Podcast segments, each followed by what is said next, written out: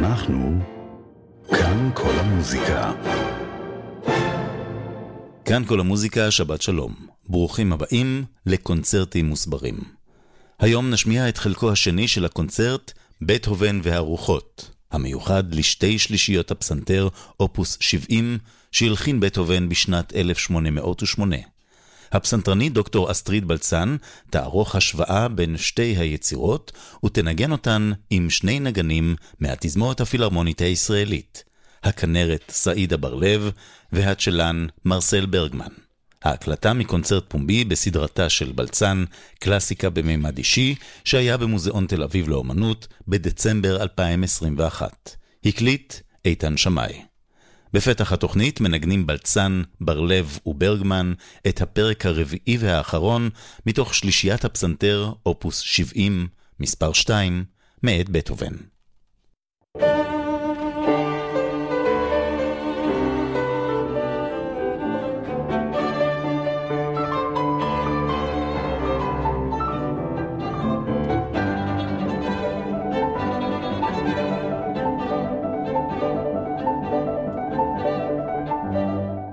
בשנת 1808 כתב לודוויג ון בטהובן בזו אחר זו שתי יצירות קאמריות.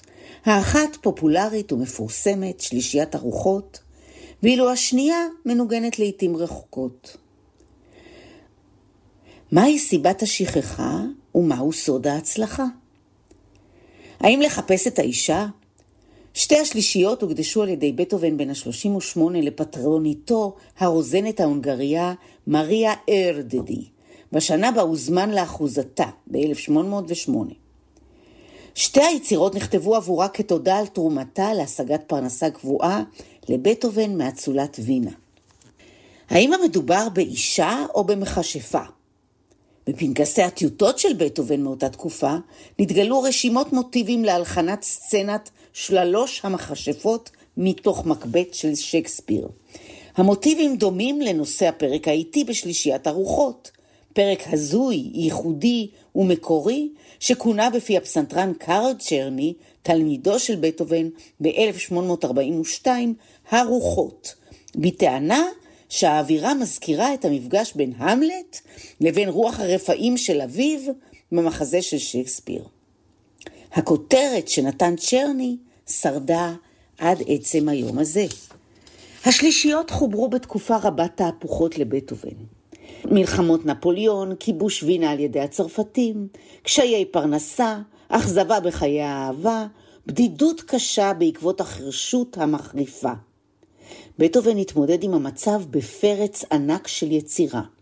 השלישיות אופוס 70 נכתבו לאחר הקונצ'רטו לכינור אופוס 61, לאחר הסימפוניה מספר 5 אופוס 67, לאחר הסימפוניה הפסטורלית מספר 6 אופוס 68, בעקבות הסונטה לצ'לו אופוס 69, וסיום הקונצ'רטו לפסנתר מספר 5 הקיסר אופוס 73. התוכנית מציגה את שתי השלישיות אופוס 70 ובוחנת את משפט ההיסטוריה. משווה בין התכנים למבנים ומנסה לענות על השאלה, מה בין יצירה מצוינת ליצירת מופת שנחרטת? מה הופך חיבור לפסגה? על כל זה בצלילים שנשמע.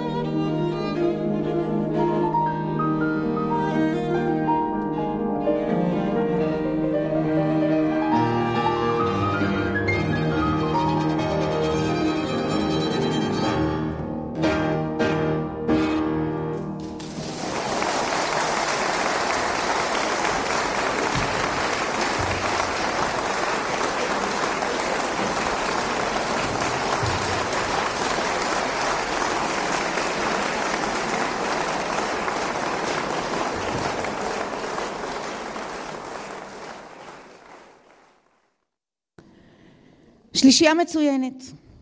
למה לא מנגנים אותה? למה היא נשכחה?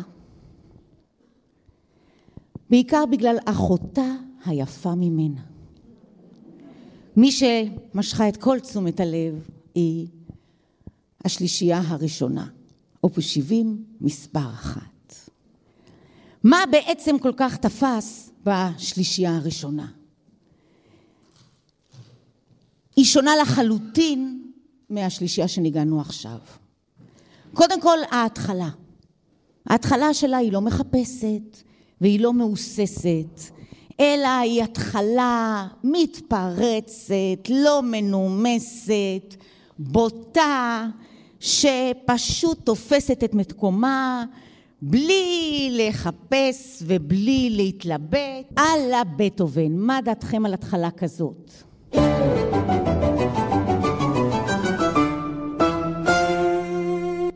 סליחה? ככה אתה מתפרץ, ככה אתה נכנס, אתה לא אומר שלום, ערב טוב, אתה לא אומר מה נשמע, טוב תודה, משהו, דברי נימוסים, איזה מין התחלה כזאת של אה, מה שנקרא איך בינדו, אני פה. עכשיו, התחלה מהסוג הזה אופיינית לבטהובן לסגנון ההירואי שלו, כאשר הוא פשוט מתפרץ. החמישית מתחילה ככה. אני פה. ואני רוצה להגיד לכם, מה אני רוצה להגיד לכם? אותו דבר בשלישית. קודם כל בום טראח. רק אחר כך. אתה מתחיל לנסח ולפתח את מה שבעצם אתה רוצה לומר. עכשיו הסיפור של הזיוף המתוכנן שהיה מרומז בלנדלר של השלישייה שניגענו, נמצא פה אבל הוא לא מרומז בכלל. זאת אומרת, אם אתה רוצה לבנות נושא ברה מז'ור, זה יהיה הנורמלי. אבל בטהובן שם פרובוקציה על ההתחלה.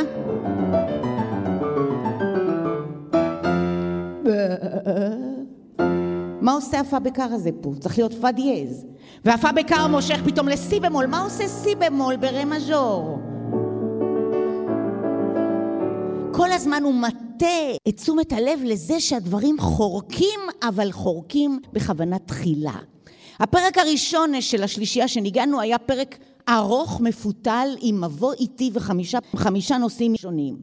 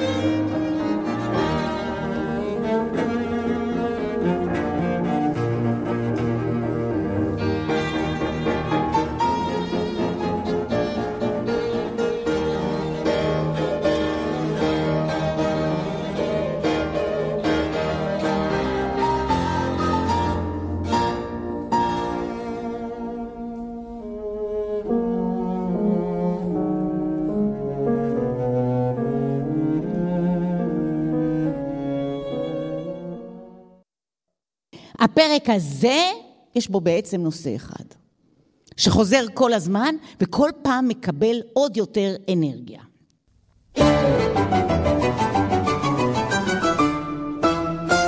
שוברים אותו בצ'לו.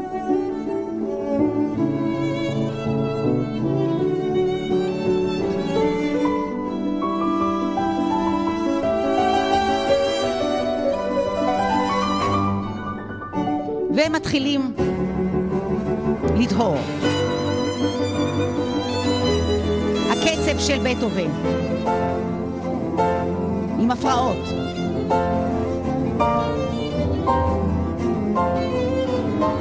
פעם פרלה. זה המוטיב שלי. פעם פרלה. מה שמתאים אצל בטהובן זה שהחומר הבסיסי הוא כל כך פשוט. מה כבר יש פה? מה יש פה? ארבעה צלילים, זה כל מה שיש פה. אבל מהלגו הזה של ארבעה צלילים כבר תסמכו על בטהובן שהוא יבנה גרדוס עד פרנסום. הוא ישכפל את זה בארבע פעמים ויגיע איכשהו לשמיים. אבל יותר מזה, כשבטהובן תופס מוטיב, אז במקום פרק שלם עם חמישה נושאים, יש לו בעצם פרק עם נושא אחד ויחיד, שחוזר כל הזמן, אבל הוא חוזר כל הזמן בצורה שלא מרפה ממך. זאת אומרת, הוא שואל אותך כל הזמן, אתה מבין את זה? הבנת את זה? אוקיי, אז אני אחזור. הבנת? הבנת? בטח לא הבנת. עוד פעם. עוד פעם? הבנת את זה? בטח לא. עוד פעם? פרם, פרם, טרם, הבנת? בטח לא הבנתם. טרם פה פה פה, טרם, טרם פה פה פה, טרם פה פה פה פה, פררה, פררה, פררה, פררה, טרם, טרם טרם, טרם טרם לא הבנתם, נכון? טרם טרם טרם.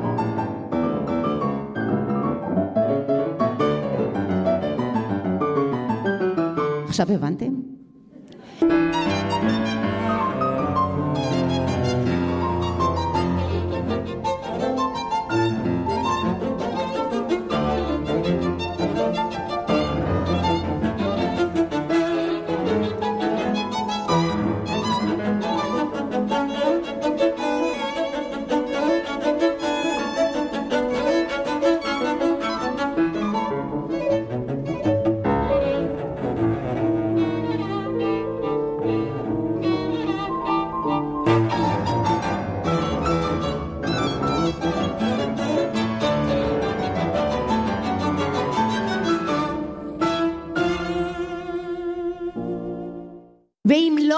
הבנתם, אז עד הסוף אני אעשה את זה.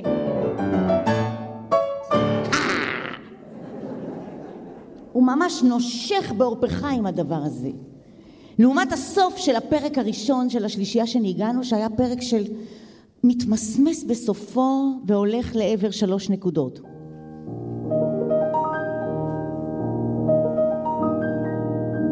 מביא בטהובן בשלישייה הראשונה, את התשובה הניצחת.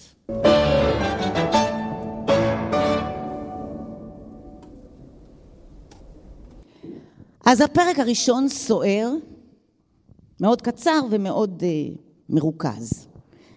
דווקא ברגע שהמוטיב הוא כל כך קטן, אז הוא כל הזמן שובר אותו, מה שנקרא מוטיף ברשן, זה הטכניקה, כל הזמן לשבור אותו, אז זה הופך להיות ביקוע גרעיני. כמה קטן, כמה פיצוץ. ואז מגיעים לפרק שני. וזה פרק איטי, מאוד איטי.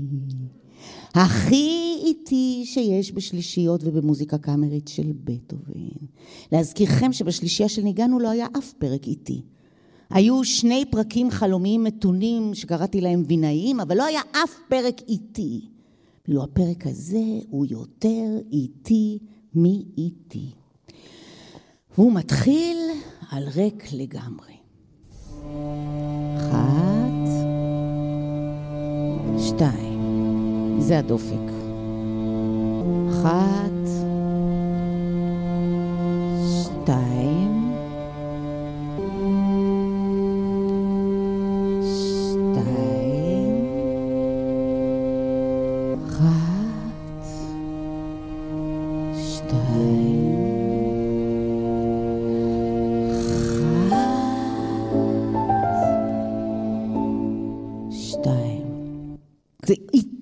בצורה יוצאת דופן.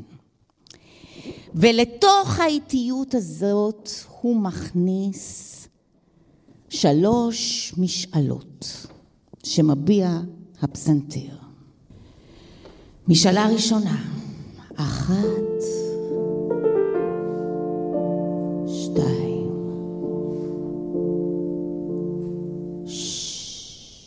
אף אחד לא עונה לי. משאלה שנייה.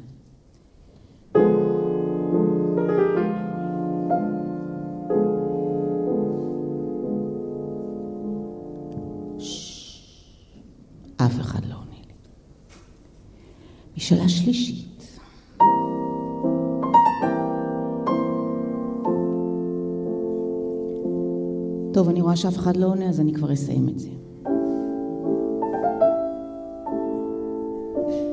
מה הם שלושת השאלות האלה ללא מענה? ואז מגיע אקורד ידוע לשמצה, שנקרא אקורד מוקטן. מורכב משני מרווחים, זה וזה, שניצבים אחד בתוך השני. המרווחים האלה נחשבים למאוד סתורמים, ובכנסייה הנוצרית קראו להם דיאבולוס, מרווחי השטן. ואז הוא מביא את זה, ולתוך השקט הוא מביא פעם, שלוש פעמים את האקורד הזה. אחת,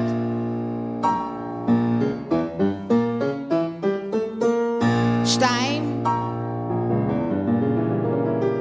שלוש, ואחרי הפעם השלישית מופיעה רוח.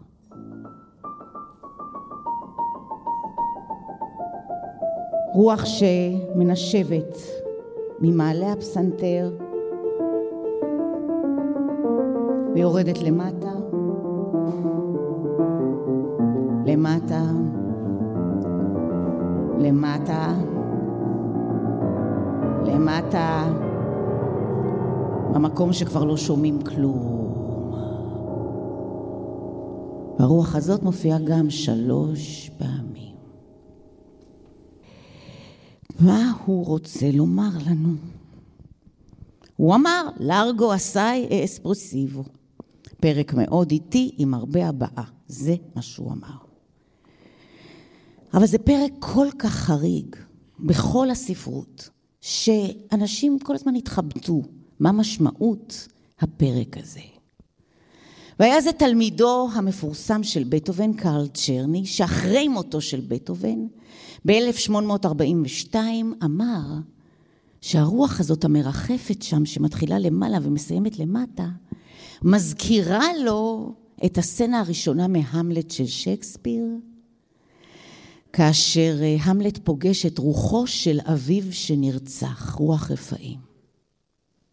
ולכן הוא קרא לטריו הזה שלישיית הרוחות, שלישייה מלאה רוחות רפאים. הכותרת הזאת נשארה והפכה לאבן פינה בספרות קאמרית. לא אומרים טריו אופוס 70 מספר אחד, אומרים שלישיית הרוחות. השתכנעו. חמישים שנה יותר מאוחר, בסביבות 1900, התחילו לבדוק את פנקסי הרשומות, הטיוטות של בטהובן. ומצאו שבדיוק בפרק שבטהובן עובד על השלישייה הזאת, באותו עמוד יש את הנושא הזה של רוח הרפאים, ובאותו עמוד יש עוד סקץ' למוזיקה שהוא התכוון לחבר לאופרה לפי מקבט של שייקספיר, סצנה ראשונה. סצנה ראשונה במקבט של שייקספיר, מקבט שפוגש ביער שלוש מכשפות. ושלוש מכשפות זה קצת כמו שלוש רוחות רפאים, ויש לי פה שלושה נגנים, וזה טריו, וגם האקורד חוזר שלוש פעמים, וגם הרוח חוזרת שלוש פעמים. אז שוב חזרנו לרעיון הזה של שדים, רוחות, רוחות רפאים. שדים, רוחות, רוחות רפאים, למי מאיתנו אין שדים בפנים? אנחנו מלאים שדים ופרדים ופחדים. בוודאי בטהובן עצמו עם האובדן שמיעה שלו והפחד והפחד והחרדה וזה שהוא לבד בעולם ופתאום כל יהבו ברוזנת ההונגריה הזאת שהופיעה פתאום בחיים שלו. אבל אולי יש רוח רפאים אחרת, יותר ספציפית? אולי ישנה רוח רפאים שמבעטת את האחוזה של הגברת מריה אנה ארדדי. אולי זה רוחו של בנה הקטן שנהרג בהפצצות נפוליאון. נקמת דם ילד קטן, עוד לא ברא השטן. אולי זה האקורד הזה עם סימן המוות עליו? מי יודע? אין לנו תשובה. אנחנו קוראים לשלישייה הזאת שלישיית הרוחות.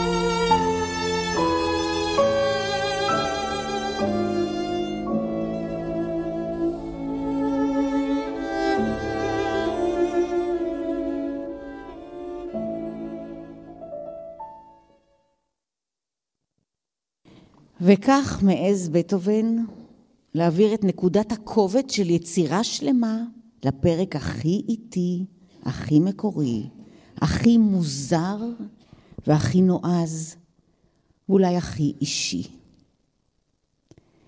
אחרי זה הוא יביא פרק שמח, מלא חיים, ויחזיר אותנו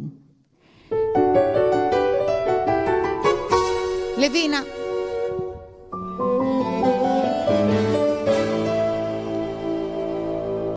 משפט ההיסטוריה. השלישייה מספר אחד, הרוחות, עם הפרק המוזר, הפכה להיות אבן פינה בספרות המוזיקה, אולי שלישיית הפסנתר הפופולרית ביותר בכל הזמנים.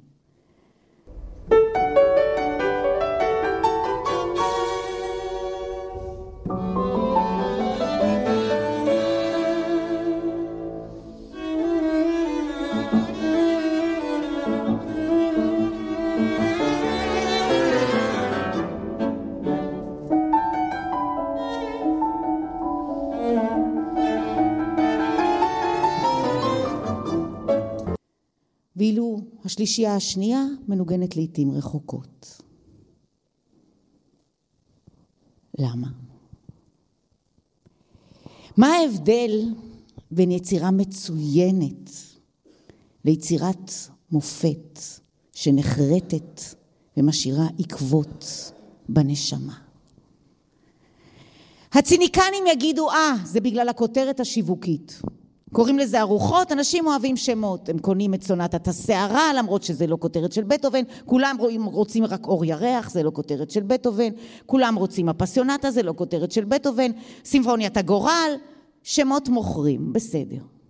אחרים יגידו, אולי כשכתב בטהובן את השלישייה השנייה במי במול מז'ור, הראש שלו כבר היה ביצירה אחרת. היה בקונצ'רטו לפסנתר במי במול מז'ור שיגיע אחרי הקונצ'רטו הקיסר, ואולי תשומת הלב לא הייתה כל כך מרוכזת, כמו בשלישייה הראשונה. אבל אני הייתי רוצה לתת כמה סיבות שהן קצת יותר אינהרנטיות, הן באמת בתוך הפרטיטורה. מה הופך יצירה ליצירת מופת?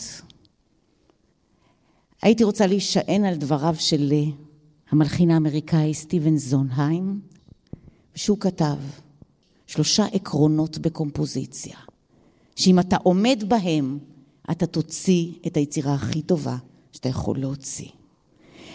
עיקרון אחד, The less is more. המעט הוא המרובה. כמה שפחות חומר, אתה תצטרך להוציא ממנו את המיטב. אז יצא שהשלישייה קצרה יותר, עם שלושה פרקים ולא ארבעה פרקים, עם פרק ראשון שיש בו רק נושא אחד ולא חמישה נושאים, היא היצירה שתופסת את הלב ואת הנשמה. עיקרון שני, התוכן מכתיב את הצורה. אנחנו מנגנים כאן היום שבעה פרקים שונים של מוזיקה בשתי שלישיות. בכל אחד מהפרקים האלה יש צורה מובנית, צורה שידועה מראש. פרק בצורת סונטה, פרק בצורת וריאציות, וריאציות כפולות, מינואט, לנדלר, ואלס וינאי, רונדו סונטה, זה הכל צורות שהיו שם ורק שופכים את התוכן לתוך הצורה. חוץ מפרק אחד, הפרק הזה משלישיית הרוחות, שאין לו שום צורה שידועה בצולדות המוזיקה. הצורה נבנתה בשביל התוכן הזה, בשביל הפרק הזה, וזה מה שכל כך מרגש ומה שכל כך מפתיע. והיסוד השלישי, האלוהים נמצא בפרטים הקטנים. עכשיו, אחרי שהחלטת על התוכן שלך והחלטת על הצורה שלך והחלטת למרכז ולרכז את הכל, עכשיו תבהיר בדיוק איך אתה עושה את זה וכמה אתה עושה את זה. הפרטים הקטנים יכולים להיות, למשל, לבחור את הסולם. לבחור את הפלטה של הצבעים של המוזיקאי, לזה קוראים סולם. איזה אוצר צלילים. השלישייה, הרוחות, כתובה בסולם שמאוד מחמיא לכלי קשת, רה מז'ור. סולם נהדר לנגינה בכינור ובצ'לו. הפרק הידוע בשם הרוחות כתוב ברה מינור. רה מינור הוא סולם הידוע לדיראון עולם כסולם הקטסטרופה. הרקביהם של מוצרט זה ברמינור, דון ג'ובאני של מוצרט זה ברמינור, התשיעית של בטהובן זה ברמינור. סולם שחור משחור. ולעומת זאת השלישייה השנייה כתובה במי במול מז'ור. מי במול מז'ור זה סולם נפלא לכלי נשיפה, סולם נפלא לתזמורת, לא סולם כל כך טוב לכינור אחד ולצ'לו אחד. החשיבה כבר הייתה במקום אחר. וכך יצא שלא בטהובן הוא זה שהחליט. החברה החליטה, אחרי 200 שנה, שהשלישייה הראשונה היא יצירת המופת, כי היא התמציתית ביותר, המקורית ביותר והאישית ביותר, וגם הכותרת שצ'רני נתן לה שרדה והפכה להיות אבן פינה בתולדות המוזיקה, שלישיית הרוחות. אולי איזושהי דרך לומר לנו שיש דבר כזה, ניצחון הרוח על החומר. תודה.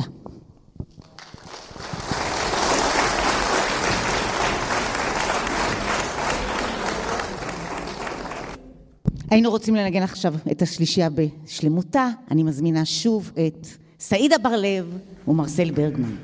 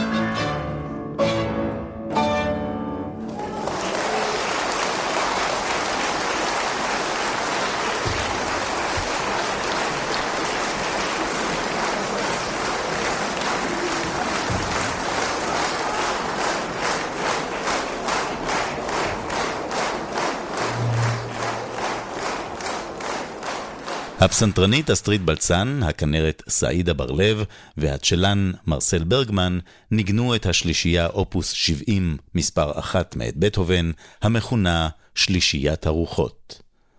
ביצוע זה חתם את חלקה השני של תוכניתה של אסטרית בלצן, בטהובן והרוחות, המיוחדת לשתי השלישיות אופוס 70 שכתב בטהובן באחוזת הרוזנת ארדדי ב-1808. ההקלטה מקונצרט פומבי בסדרתה של בלצן קלאסיקה במימד אישי, שהיה במוזיאון תל אביב לאומנות בדצמבר 2021.